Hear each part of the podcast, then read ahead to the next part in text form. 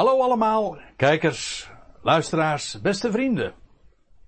Hartelijk welkom in deze Bijbelstudie. Hartelijk welkom in het bijzonder mijn vrienden in Den Haag. Dit weekend zou ik eigenlijk bij jullie hebben gesproken, maar door alle coronaperikelen uh, komt dat er wederom niet van. En ik hoop heel erg van harte dat jullie uh, elkaar weer gauw uh, mogen gaan treffen en dat we elkaar in levende lijven weer ontmoeten en dat ik in jullie midden mag spreken om het woord door te geven. Maar dat mag ik vandaag ook en nu via deze weg. En ik wil graag eens deze vraag in jullie midden leggen. Deugen de meeste mensen? En uh, je moet dat maar niet al te suggestief opvatten. Zoals eventjes werd uh, gesuggereerd eerder vandaag. Uh, dat ik in Den Haag de vraag stel: deugen de meeste mensen? En dat dit dan een soort van verkapte politieke statement zou zijn. En die gedachte, die kan ik bij deze afsnijden. Dat was uh, totaal niet het idee. Degenen die een beetje op de hoogte zijn van wat er verschijnt op de boekenmarkt, die kennen deze titel, of in ieder geval die uh, worden direct herinnerd aan een boek dat de laatste jaren heel erg bekend is uh, geworden. En dat is dit boek, een boek van Rutger Bregman, zoon van overigens van een predikant, met uh, het, de titel De meeste mensen deugen. En op de achterkaft, daar, uh, daar lezen we een, een toelichting, zo'n korte inhoudsopgave eigenlijk van, van wat het boek zo behelst. En de lovende recensies die het heeft gekregen. Ik moet er trouwens bij zeggen, ik heb het boek zelf niet eens gelezen. Nou ja, ik heb er doorheen gebladerd. U ziet het, is een heel dik boek. Het is een boek dat uh, mijn zoon destijds uh, gekocht heeft. Die heeft het wel helemaal gelezen. En ik heb er eigenlijk meer over gelezen dan dat ik er zelf in gelezen heb. Maar ja, u ziet het, het is ook een heel dik exemplaar. En ik ben niet zo van de dikke boeken. Of het moet, uh, of het moet dan dit boek zijn, hè.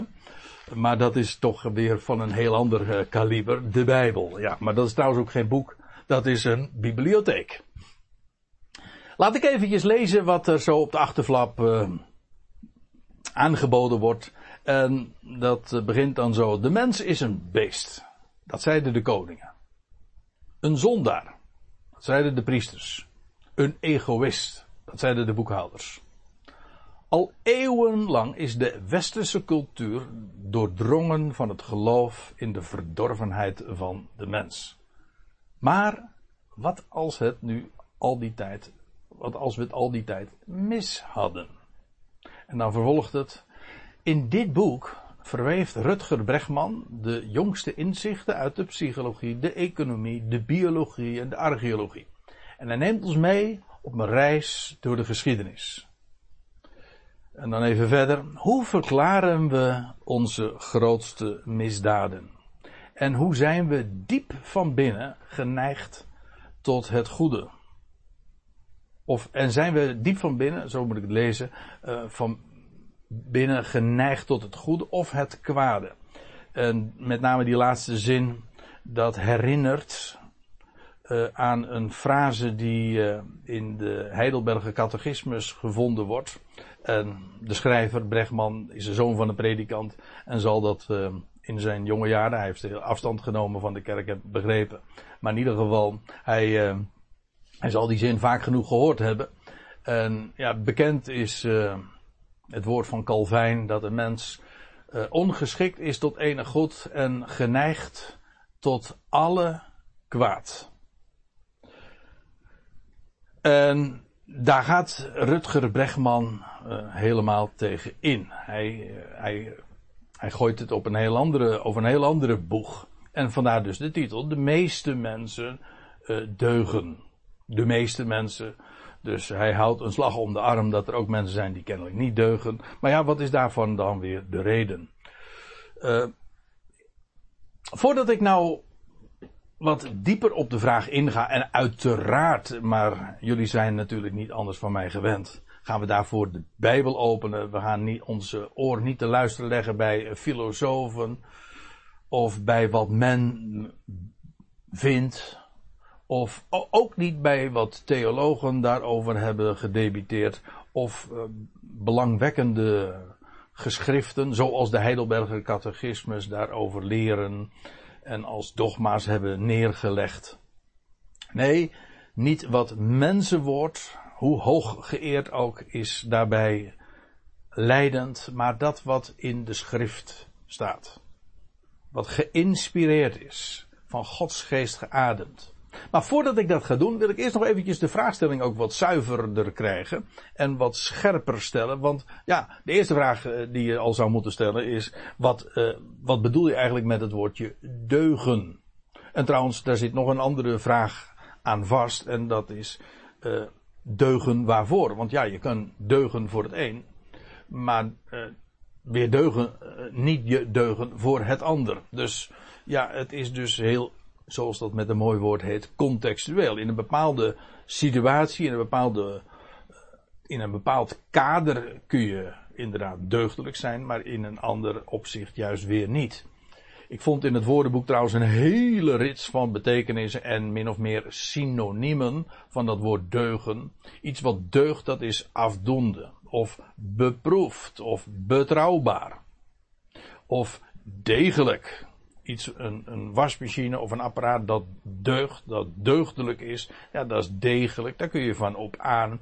Braaf, wat bij ons natuurlijk wel een beetje een negatieve klank ook heeft gekregen, althans kan hebben. Maar van origine betekent het eigenlijk heldhaftig. Denk aan het Engelse brave. En dat was ook wat uh, braaf uh, in het Nederlands van origine betekent iets, wat, iets uh, wat deugt, dat is, kan flink, uh, de betekenis hebben van flink of gedegen, gegrond, gefundeerd. Uh, in juridische zin iets wat een deugdelijke gronden, die zijn geldig. je kan deugen ook in de sfeer trekken van, van gezondheid. Hè, dat iets, bepaalde organen, die deugen of die deugen niet. En dat betekent dan in die in die context, in dat verband, gezond. In goede staat. Of meer, nog breder, God. En dat zijn allemaal uh, feitelijk min of meer positieve betekenissen. Ik heb er een dertiende aan toegevoegd. Toevallig een dertiende.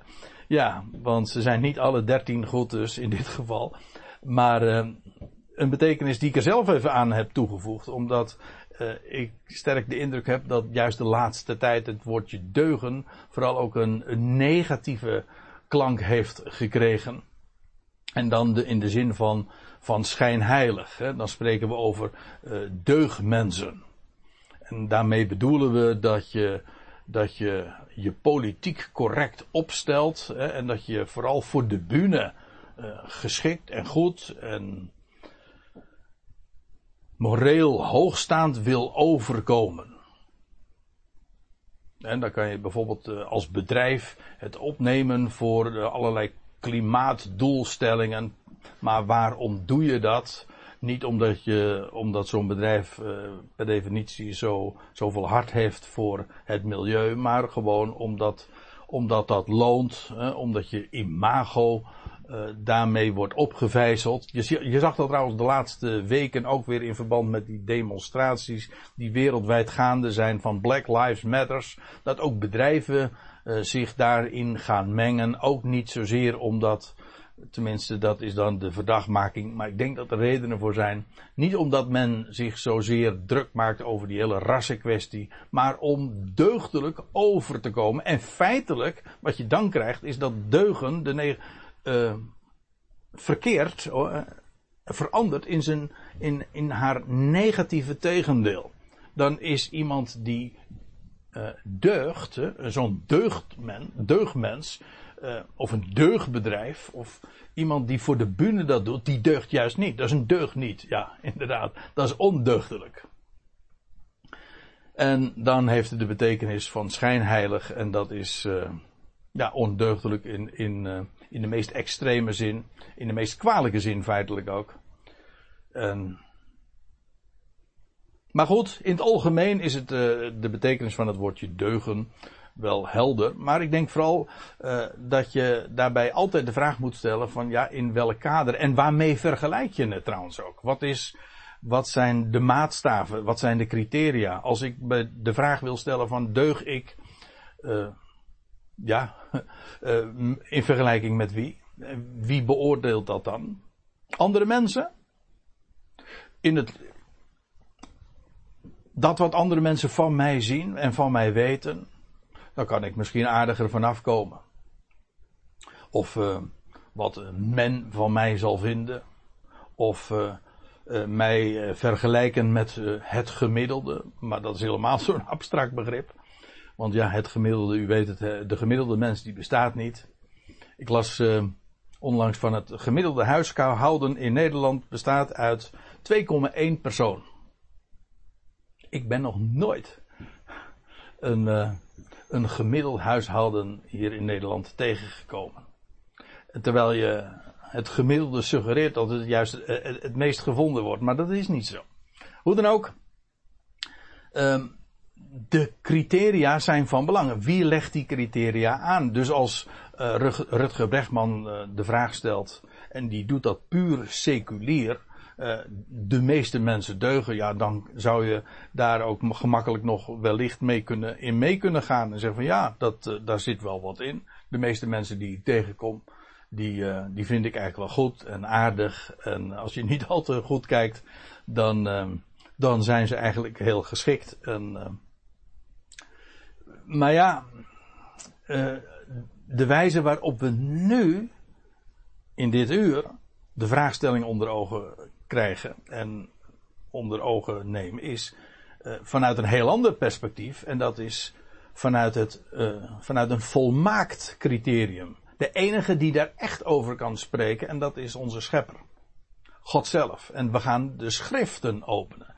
Dat is wat echt de maatgevend is. Niet wat mensen zeggen, ook niet de meest geleerde mensen of experts, of hoe dat maar heten mag.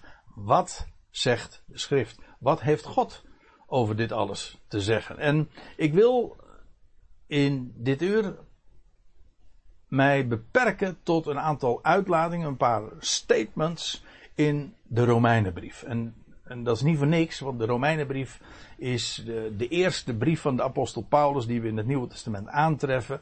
En een brief waarin hij buitengewoon fundamenteel ingaat op ja, op alle vragen die er werkelijk toe doen. Wie is God? Eh, wat is de schepping? Wie is de mens ook? En daar hebben we het nu ook over. Wie is de mens eigenlijk? En wat, en wat betekent hij? In hoeverre deugt die mens ook? Dus ja, de vraag eh, die, uh, die Rutger Bregman in dit boek naar voren brengt, ja, die is, uh, die is heel relevant. Maar die wordt ook direct beantwoord in de schrift. En daarom heb ik ook alle reden om, om, om deze vraagstelling zo naar voren te brengen.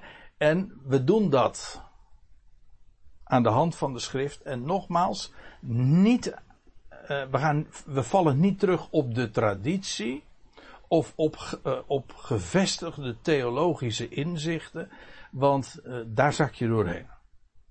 Dat is mensenwoord. En ook als het al eeuwenlang zo gevestigd was en zo nagesproken werd door iedereen en al was dat een algemeen geldend inzicht, dat zegt niets. De vraag is, wat zegt de schrift? En ik zei al, ik ga mij beperken tot, de, tot een aantal statements in de Romeinenbrief. En dat blijkt zeer ter zake te zijn, want daar vinden we werkelijke, echte antwoorden. De eerste tekst die ik wil lezen is uit Romeinen 5. En daar zegt Paulus in vers 12, hij vervolgt daar zijn betoog en dan zegt hij daarom, net zoals door één mens de zonde de wereld binnenkwam, nou ja, enzovoorts. En je voelt natuurlijk al aan dat als hij dat op die wijze formuleert, dat uh, hij hier begint met het maken van een vergelijking die hij vervolgens ook natuurlijk moet afmaken. Je, je weet eigenlijk al dat als je een zin zo begint, dan, dan moet dat eh, eindigen met zoiets als, uh, net zoals door één mens de zonde de wereld binnenkwam, zo ook door één mens, zoiets. Dat, dat, dat kan niet anders, want er wordt een vergelijking gemaakt. Net zoals, en dan volgt er iets dat dat, dat uh, harmonieert met en gelijkenis vertoont met iets anders. En dat doet Paulus ook, maar ik moet er wel bij zeggen, uh, en dat zie je vaker in zijn betogen, dat hij daar pas in een later stadium op terugkomt. Hij gaat deze vergelijking in vers 12 pas afmaken in vers 18. Dan gaat hij inderdaad zeggen, net zoals door één mens de zonde in de wereld binnenkwam, zo ook door één mens worden alle mensen gerechtvaardigd. En dan maakt hij de vergelijking af en alle tussenliggende versen 13, 14, 15, 16, 17 vormen eigenlijk een tussenzin en vers 18 maakt uh, dan de vergelijking af. Uh, net zoals door één mens de zonde de wereld binnenkwam, als Paulus hier spreekt over de wereld, dan doelt hij op de mensenwereld. De, door één mens kwam de zonde de mensenwereld binnen. Want strikt genomen, de zonde was al voordat Adam en Eva. Maar Adam was, wordt verantwoordelijk gehouden. Hij is die ene mens hier. Voordat eh, Adam al in de zonde viel, om even die terminologie te gebruiken, was de zonde al in de wereld. Hè, want wie was daar al in de Hof van Eden? Daar was uh, de slang. Met die gespleten tong en die twijfel zwaaide en die Gods woord uh, daar vraagtekens achter ging plaatsen. Dus de zonde was al in de wereld. Maar het gaat erom, de zonde kwam de mensenwereld binnen via één mens. De zonde. Het is heel belangrijk om dat woord uh, goed te begrijpen.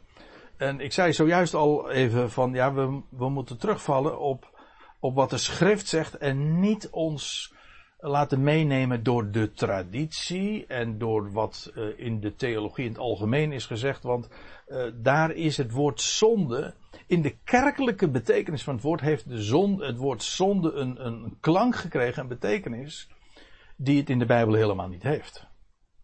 Eh, want hoe, hoe wordt zonde meestal opgevat? Als iets dat heel erg slecht en moreel verdorven is. En dat is niet de betekenis die de, het woord in de schrift heeft. En dat, dat zie je al in zowel het Hebreeuws als in het Grieks. De, beide talen, daar is de, de schrift in uh, aan ons gegeven. Het Oude Testament, het Nieuwe Testament. In beide talen heeft het woordje zonde de betekenis van het missen van het doel. Je leest bijvoorbeeld een keertje in, in het boek Richteren over de Benjaminieten die zo experts waren in, in het schieten met de boog en dat ze, een, dat ze iets konden raken, dat ze konden schieten. Uh, dan staat er zonder te, uh, zonder, uh, ze konden op een haar nauwkeurig schieten, staat er dan. En zonder te zondigen. En de meeste vertalingen zeggen dan, ter verklaring, zonder te missen. En dat is inderdaad de gedachte, maar er staat letterlijk zonder te zondigen. En juist daarin, in zo'n, in die context waar het helemaal geen morele betekenis of religieuze klank heeft of setting. Nee, maar het betekent gewoon zonder dat het doel gemist wordt. Dat is wat zonde is. En dat dat heel moreel erg kan zijn, we zullen dat straks ook zien, dat is waar, maar dat is niet de essentie van zonde. De essentie van zonde is niet dat het slecht is, maar dat het het doel mist. Feitelijk zou je zelfs kunnen zeggen dat de seculiere betekenis die het woord zonde heeft, in, ook in onze taal, juister is in de zin van bijbelser is, veel bijbelser is, dan de kerkelijke betekenis. In de kerkelijke zin bedoelen we met zonde vaak iets wat slecht en wat heel erg is. terwijl het in de, bij ons in de seculiere betekenis uh, wordt het uh, gebruikt in de zin van je laat een vaas vallen en die valt stuk en dan zeg je dat is zonde.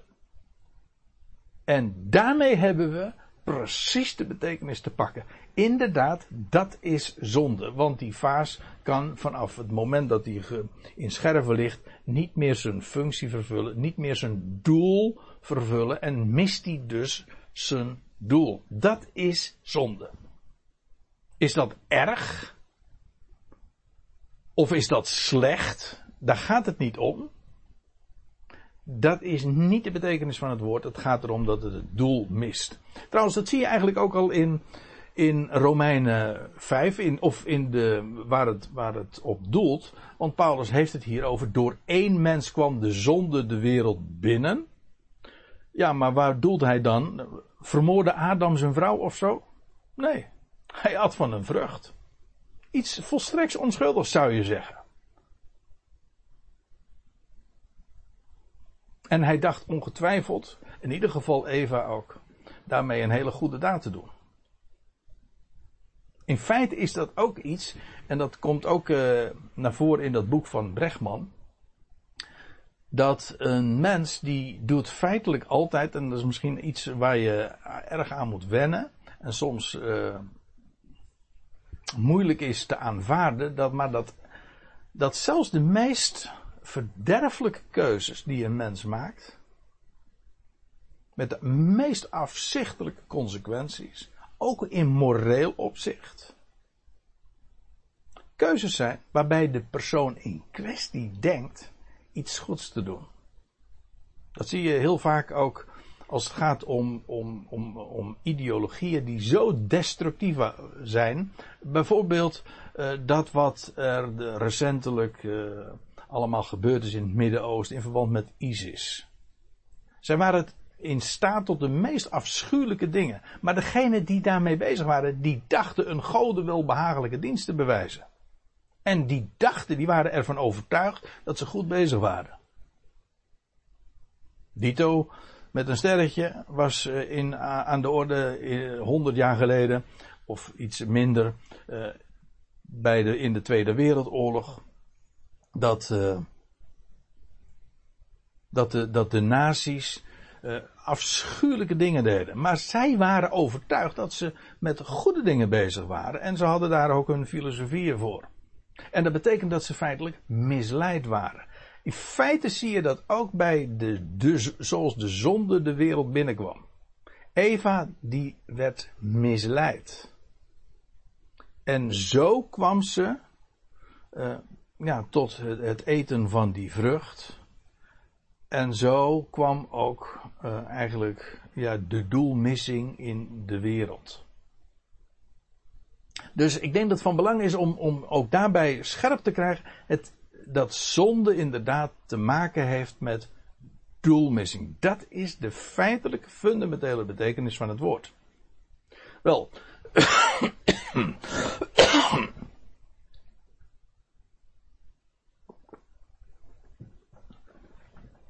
Zoals door één mens de zonde de wereld binnenkwam. En door de zonde de dood.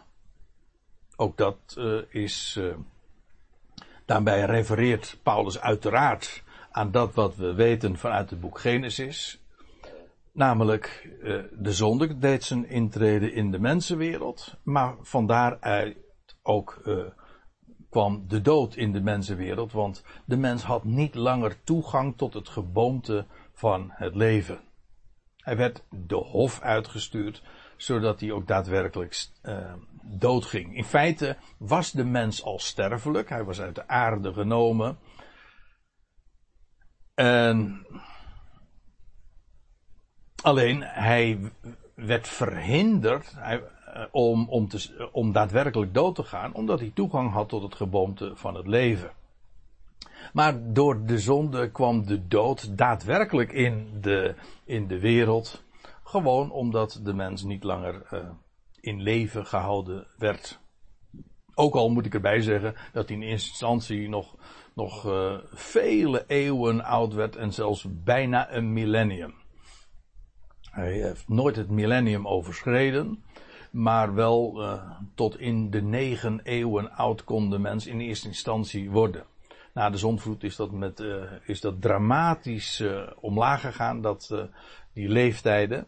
Maar we zullen trouwens in de, in de nabije toekomst, in het, in het millennium, de duizend jaren die nog gaan komen, zullen de mensen opnieuw weer de leeftijden krijgen van de bomen. En dat heeft ook alles, denk ik, te maken met het geboomte van het leven, dat er dan ook weer zal zijn. Nou ja, dat is een onderwerp apart. Maar in ieder geval, de zonde kwam door één mens in de wereld, in de mensenwereld. En vandaar ook de dood. En zo is de dood, uh, zo ging de dood door tot alle mensen. En wat hier uh, beschreven wordt, is niet erfzonde. Dat is weer zo'n theologische term, hè? erfzonde. Maar niet, het is niet de zonde die doorging tot alle mensen, maar de dood die doorging tot alle mensen. Dus als er al sprake is van, van erfelijke transmissie, als iets van, van, van generatie op generatie overging, dan was dat niet de zonde, maar was het de dood die doorging tot alle mensen. De mens is een sterveling en dat zit in zijn genen. En, en die, de dood is doorgegaan tot alle mensen. En dan staat erbij, en dat is belangrijk om ook dat scherp te krijgen. Want er staat vervolgens, uh, waarop allen zondigen. Niet zoals de MBG-vertaling zegt, omdat allen gezondigd hebben. Uh, dat is een vreselijk misverstand. Uh, kijk, zoals de MBG en andere vertalingen, moderne vertalingen, dat dan meteen maar verklaren voor ons. En daarmee de, de, letterlijke tekst geweld aandoen. die slaat eigenlijk nergens op. Uh, want dan wordt, de uh, dan wordt de impressie eigenlijk gewekt van, ja, de, de dood ging door tot alle mensen. Ja, hoezo dan wel? Nou, omdat allen gezondigd hebben. Dus dan zou het er eigenlijk op neerkomen dat alle mensen doodgaan. Waarom? Omdat ze allemaal zondigen. Maar dat is niet de gedachte. Hoe, hoe zou het dan komen dat ook een klein kind, dat nog van toeten nog blazen weet, dat nog helemaal niet in staat is om iets, om te zondigen, zich van nog niets bewust is, waarom zou dat dan ook kunnen sterven? Maar het punt is, dat staat er ook helemaal niet. Staat trouwens ook niet zoals de, de Statenvertaling zegt, in welken allen gezondigd hebben. Uh, of uh, daar wordt, uh, ik weet het even niet met exactheid te achterhalen hoe het er nou precies staat. Maar in de Statenvertaling, als ik me niet vergis, wordt uh, gezegd dat, de wij, dat alle mensen in Adam hebben gezondigd. En dat lijkt er dichterbij te zitten, want inderdaad, alle mensen zijn in Adam begrepen. Maar zelfs dat staat er niet. Er staat, de dood ging door tot alle mensen. En dan op welke of waarop allen zondigen. En lees even goed wat hier staat. De dood ging door tot alle mensen.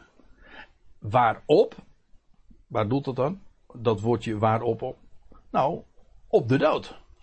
De dood is de reden dat alle mensen zondigen. Dus het is niet omgekeerd. Het is niet uh, dat wij doodgaan omdat we zondigen. Nee, wij zondigen omdat wij doodgaan. Dat zodat eh, onze sterfelijkheid de reden is van ons zondigen. We zondigen omdat we stervelingen zijn. We zijn, we lopen met de dood in onze schoenen en dat maakt dat we doelmissers zijn en tekortschieten. Dat is een heel andere gedachte dus. Dus niet die van erfzonde. We zijn stervelingen. Dat, daarmee zijn we erfelijk belast. Dat gaat door tot alle mensen. We gaan ook daadwerkelijk dood omdat we geen toegang hebben tot het geboomte van het leven. En zodat we verhinderd worden om, uh, om ons leven of dat wat er voor doorgaat in stand te houden. En dat maakt, die sterfelijkheid maakt dat we allemaal zondaren zijn. Zondigen in de zin van ons doel missen. Zondigen omdat we stervelingen zijn. En dan moet ik er nog iets bij zeggen. Ik heb het er expres eventjes als een waarschuwing bij gezegd. En dat zeg ik ook als waarschuwing voor een, een andere theologische opvatting waar we eigenlijk al ook min of meer erfelijk mee belast zijn in, eh, in de christenheid. En dat is het idee van de zondige natuur van de mens. En u kent de uitdrukking ongetwijfeld. Als je tenminste groot geworden bent met het, uh, met het christelijke, het theologische vocabulaire. Het klopt niet. De Bijbel spreekt nooit over de zondige menselijke natuur. De Bijbel, de, de Bijbel koppelt zondigen nooit aan de menselijke natuur. Lees het maar na. Als er sprake is van de natuur, dan wordt dat niet gekoppeld met de zonde. Het is zelfs precies het tegenovergestelde. Niet de menselijke natuur is zondig, maar het tegennatuurlijke. Dat was trouwens niet Romeinen 5, maar dat is Romeinen 1. Daar wordt al gesproken over ja, de natuur van de mens. Daar gaat het trouwens over, over de seksualiteit, over mannelijk en vrouwelijk. Wel, dat is onze geaardheid. Een mens is mannelijk, vrouwelijk, dat is je natuur. En je wordt geacht naar je natuur te leven. Ja, dat staat ook haaks op, op het hele wereldse denken waar we vandaag mee geïndoctrineerd en misleid worden, zodat we op een verkeerd been worden gezet. Maar zondigen heeft niet te maken met de menselijke natuur, maar juist met het tegennatuurlijke. Ik denk dat het zo belangrijk is dat wil je zuiver denken, dat je ook het, de bijbelse woordenschat je eigen maakt. Hoe zegt de schrift het met precisie? En dan blijkt dat, het, dat we daardoor antwoorden krijgen en ook antwoorden kunnen geven waar de theologie totaal niet toe in staat zijn, is om die te, te bieden. We moeten weer helemaal terug naar af, naar wat de schrift zegt. En dan, wordt, dan worden de dingen duidelijk. En dan begrijpen we inderdaad dat de, ja, de zonde eh, door één mens ooit de wereld binnenkwam. En door de zonde de dood. En de dood ging door tot alle mensen. En daarop, op basis daarvan, dat is uh, de, de, de reden van het feit dat allen zondigen. Ik neem u nog mee naar een andere schriftplaats. Ik, nu gaan we even terugbladeren en namelijk naar Romeinen 3. Dus het is een wat onlogische volgorde, maar ik heb reden om het op deze manier even naar voren te brengen. Maar uh, nu is dus duidelijk gemaakt hoe de zonde zo geïntroduceerd werd in de mensenwereld. En hoe we doelmissers zijn geworden. En in Romeinen 3 wordt dat nog eens een keer. Uh, wordt dat ook heel duidelijk al naar voren gebracht. Daar zegt Paulus dit. In vers 23. Want allen zondigen. Hij staat daar in de aorist. In een, als een feit wordt dat hier neergezet. Allen zondigen. En als hij dat in vers 23 zo zegt, want allen zondigen, dan, dan beroept hij zich uh, op wat hij eerder al naar voren had gebracht. En dit is uh, min of meer een conclusie daaruit. Want allen zondigen, dat had hij daar namelijk in de versen hier aan voorafgaand al uh, zo duidelijk gemaakt. En laten we, laten we even een aantal uh, van die versen lezen. Zoals Paulus dat dan ook trouwens vanuit het Oude Testament duidelijk maakt. Dan zegt hij dit. Ik lees het voor uit de NBG-vertaling. Romeinen 3, vers 10. En dan citeert Paulus en dan zegt hij gelijk geschreven staat. Niemand is rechtvaardig. Ook niet één. Dus het gaat hier niet over de meeste mensen. Nee, gewoon niemand is rechtvaardig. En nou hebben we het dus niet over volgens andere mensen. Of uh, in de zin van uh, als, als, als ik. Uh, als andere mensen mij beoordelen volgens hun criteria, ja, dan kan ik misschien wel deugen. Maar daar gaat het niet om. Het gaat erom wie we zijn in het licht van God. En dan zegt de schrift: niemand is rechtvaardig. Ook niet één. Met de absolute criteria, ja, voldoet niemand. Niemand is rechtvaardig, ook niet één. Er is niemand die verstandig is, absoluut verstandig is. Waarmee niet gezegd is dat hij dus, dat is uh, van belang, dat een mens niet, uh, geen enkel goed ding kan doen. Daar gaat het niet om. Het gaat erom dat hij in alles wat hij doet, faalt, mist. En nooit in alles verstandig is, rechtvaardig is, zelfs niet één. Niemand die verstandig is. Niemand die God ernstig zoekt. Als een mens God zoekt, weet je hoe dat komt? Dan komt dat omdat God de mens aanraakt. En omdat God de mens trekt door zijn woord. Dat is niet omdat, dat, omdat de mens dat van zichzelf heeft. Allen zijn afgeweken. Tezamen zijn zij onnut geworden. Er is niemand die doet wat goed is. Dat wil zeggen, die doet wat louter goed is.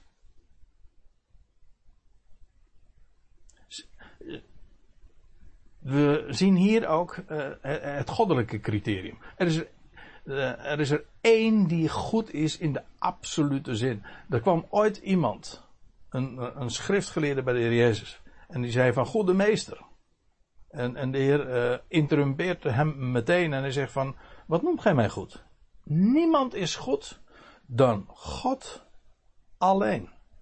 Er is er één goed in de absolute zin en alle mensen, uh, nou ja, dat is trouwens ook Romeinen 3, God waarachtig en alle mensen leugenachtig. Als je het even, het contrast, uh, heel duidelijk zwart-wit wil zeggen, dan is het er is één die absoluut altijd waarachtig is, betrouwbaar is, solide.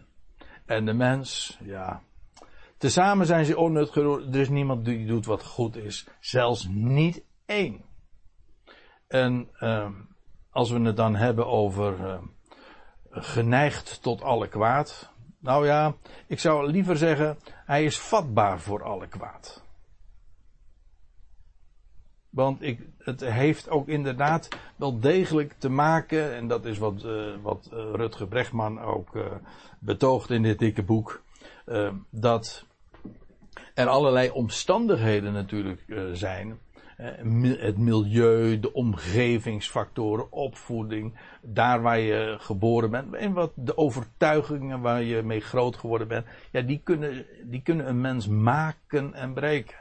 En die kunnen een mens tot, tot crimineel maken, maar die kunnen de mens ook tot grote hoogte brengen.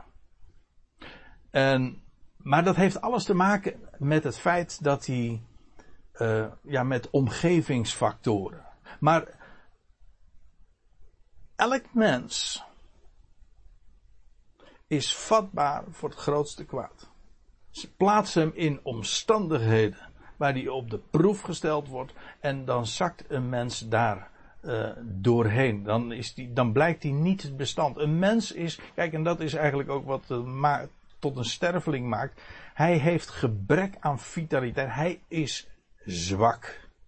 En omdat hij zwak is, is hij uh, gevoelig voor misleiding en in, in voor, dan gaat hij als er genoeg druk op hem uitgeoefend wordt en, er is en, de omgeving uh, is, in, zodanig, dan is hij in staat tot alle mogelijke kwaad. En dan zie je dat zelfs de, dat, er zijn de, genoeg verhalen van uh, bekend en gedocumenteerd dat de keurige huisvaders in, in de dagen van het van Nazi-Duitsland, keurige huisvaders die waren in staat om, uh, om afschuwelijke dingen in, in concentratiekampen te doen. Hoe kan dat? Nou, maak de omstandigheden zo en misleid hem zo, maak hem zulke dingen wijs en hij blijkt inderdaad daarvoor vatbaar te zijn. Dat betekent dus helemaal niet dat alle mensen dus per definitie slecht zijn. Maar alle mensen zijn inderdaad vatbaar voor inderdaad elk kwaad. Nou, het staat hier ook, hun keel is een open graf. Met een tong plegen ze bedrog. Addergif is onder hun lippen. Hun mond is van vloek en bitterheid vol en snel zijn hun voeten om bloed te vergieten. Nou ja, uh, om, ik, ik, blijf, hier, ik blijf uh, hier maar eventjes bij. Maar uh, het gaat nog verder hoor. Het gaat er maar om dat inderdaad de mens, als de, als de omstandigheden zodanig gemaakt worden, dan blijkt elk mens in staat uh, tot, tot de meest afschuwelijke dingen. En die hier ook beschreven worden. Met de mond en met bedrog en met onbetrouwbaarheid en met het vervloeken en met bitterheid en zelfs uh, om uh, het bloed van mensen te, te vergieten. Geen mens is daar uh, te goed voor. Dan moet je goed realiseren. Je kunt je heel, je kunt misschien wel denken van nou nee, ik ben, ik ben goed genoeg, ik zou dat niet kunnen. Jawel, dank God dat je verhinderd bent en dat, dat je in omstandigheden uh, groot geworden bent of mag verkeren, waardoor je daartoe, uh, waardoor je daarvoor geblokkeerd bent of waardoor je in een andere richting groeide. Maar elk mens is tot zulke dingen in staat. En dat maakt de mens tot zo'n uh, zwak wezen. Dat is eigenlijk wat een mens is. Een mens is maar zo nietig en zo zwak en inderdaad vatbaar voor alle kwaad. Nou, ik lees eventjes uh, weer, uh, weer verder in de Romeinenbrief, want daar stond dus, want allen, want allen zondigen. Hier wordt zo'n duidelijke, universele statement gemaakt door Paulus als een soort van samenvatting van wat hij in, in deze brief naar voren brengt. Vers 23, 24 is een schitterende samenvatting, ook een prachtig contrast. Ik kom daar straks op terug. Maar het begint met de vaststelling allen zonder niet de meeste mensen deugen of de meeste mensen deugen niet. Nee, allen zondigen. Dat is de waarheid. Allen missen doel en hebben tekort van de heerlijkheid van God. Ja, het woord wat hier staat, zij derven. Ze, ze missen het. Daar zie je ook weer dat woord van uh, die relatie met dat doel missen. We missen, we komen tekort aan kracht, aan vitaliteit. En, en we hebben tekort van de heerlijkheid van God. En de vraag is daarbij niet hoeveel je tekort hebt. Want daarin zijn er inderdaad gradaties. Sommige mensen hebben veel tekort. En andere mensen hebben misschien wat minder tekort. Maar de overeenkomst is, we hebben allemaal tekort. We zijn allemaal gezakt, zeg maar, voor het examen. En bij ons in de, de familie Piet doet daar een, eh, een prachtig legendarisch verhaal de ronde. En uh, bij andere gelegenheden heb ik dat ook wel eens verteld. Maar misschien is dat leuk om in dit verband ook eens uh, nog te vertellen. Over mijn ouders, die waren destijds bevriend met een met een echtpaar, een predikant echtpaar in Aalsmeer. En uh, deze dominee, die uh, was uh, zeer geleerd, maar hij, hij was verschrikkelijk onhandig. En hij, hij, kon absoluut ook geen auto rijden. Hij wilde zijn rijexamen, hij wilde zijn, zijn, zijn rijbewijs halen. Maar hij was al tig keer gezakt voor het rijexamen. Zijn theorie was geen enkel probleem, want die man was hoog geleerd in alle opzichten. Maar uh, het uh, deelnemen aan het verkeer in een autootje, dat, uh, dat was hem niet gegeven. En op een gegeven ogenblik moest hij voor de zoveelste keer weer afrijden. En mijn moeder die, die belde toen tussen de middag op naar de, naar de predikant. En kreeg toen, de, ze kreeg toen de echtgenote, de, de, vrouw van de dominee aan de lijn. En mijn moeder die stelde de vraag, en is uw man nog geslaagd voor het rijexamen? En toen zei die vrouw heel deftig, ja, ja, bijna. en ja, sindsdien uh, hebben we dat, uh, dat voorbeeld al, uh, is dat al vele keren voorbij gekomen.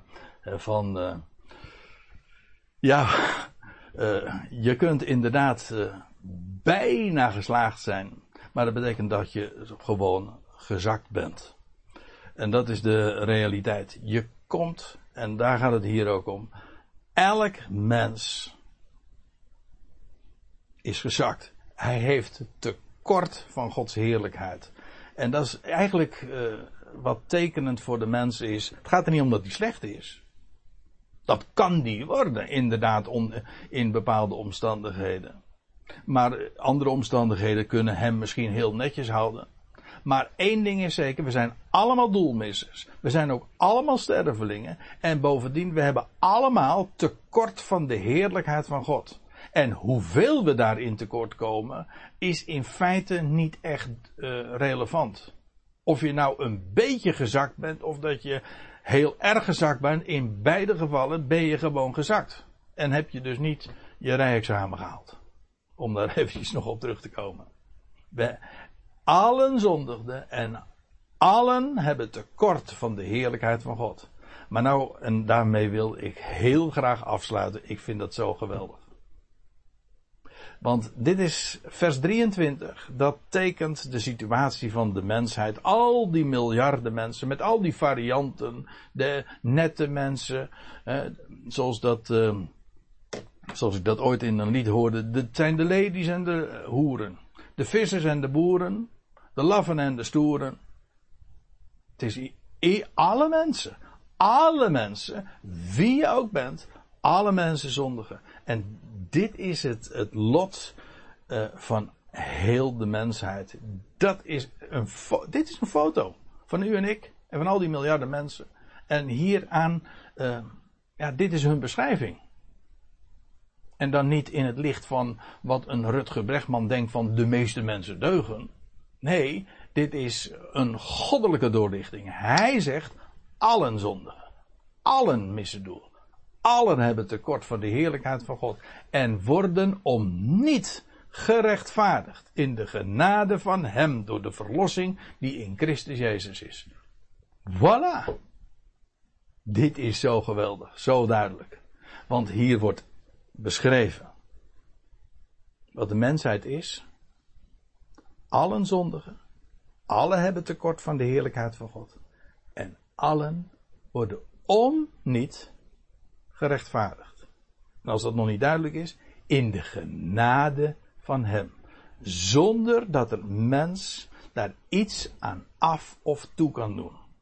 Zoals het een feit is dat allen zondigen, zoals het een feit is dat allen tekortkomen van de heerlijkheid van God, zo is het een feit, een mededeling, dat allen om niet worden gerechtvaardigd. Zoals Paulus in Romeinen 4 trouwens zou gaan betogen, dat, dat het God is die de goddeloze rechtvaardigt. Heel de mensheid. Zoals door één mens alle mensen zondaren zijn geworden, zo zullen door één mens ook alle mensen worden gerechtvaardigd ten leven. Romeinen 5 vers 18, waar ik al eerder even op zin speelde. Maar feitelijk zien we die waarheid hier natuurlijk ook schitterend naar voren komen. Het is om niet. En dan mag het waar zijn. We zijn alle, we deugen geen van, we deugen geen van allen. In zijn ogen. Is dat een probleem? Nee, zo is de mensheid zelfs ingezet. God heeft dat zo bepaald. Maar dat is juist ook opdat hij hen allen op niet, zonder dat er enige tegenprestaties tegenover staat, allen worden om niet gerechtvaardigd. Weet je, er is bijna niemand die dat gelooft. Maar het is juist de Bijbelse waarheid. En dit is ook geen aanbod. Dit is geen aanbod van genade. Dit is een mededeling. Alle mensen worden om niet gerechtvaardigd.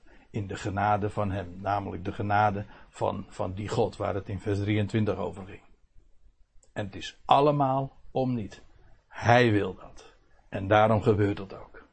En dat is de aanzegging. En daarom is het evangelie een, een goed bericht, een goede tijding. En ik zou zeggen, beaam dat. Dat is zo'n geweldige waarheid. Want het, aan de ene kant zie je daarmee scherp dat wat de mensheid is in het licht van God. Zondaar, sterveling, tekortkomend. En tegelijkertijd, dat wat wij tekortkomen, dat heeft hij meer dan genoeg namelijk genade. En wat kost het? Om niet. Want er is er één die de prijs heeft betaald voor allen. 1 Timotheus 2 vers 6. Er is één God. Is één middelaar van God en mensen. De mens Christus Jezus. Die de losprijs betaalde voor allen. En daar wordt hier dan ook over gesproken, want er staat door de verlossing, namelijk door de losprijs die betaald is in Christus Jezus. Wat een genade, wat een geweldig perspectief om zo naar de mensheid te kijken die nu zoveel tekort komt, die nu in het goddelijk perspectief ondeugdelijk is. Maar hij maakt alle dingen wel. En dat kost niets. Het is namelijk om niet. Een mens wordt om niet gerechtvaardigd in de genade van hem. Nou, dat is wat ik uh, heel graag met jullie wilde delen. Dit is een, een, een goed bericht die werkelijk geen limits kent. Ze kost niets. Je kan daar niks aan toedoen, want het is voor allen. Dus wat, wat is er nog meer? Je kunt er ook niks aan afdoen. Je kunt het alleen maar geloven en beamen. En wat een groot God hebben we, dat Hij dit alles gaat realiseren. Ik wil jullie heel hartelijk danken voor jullie aandacht. En ik zou zeggen, tot een volgende keer. En God zegen allemaal.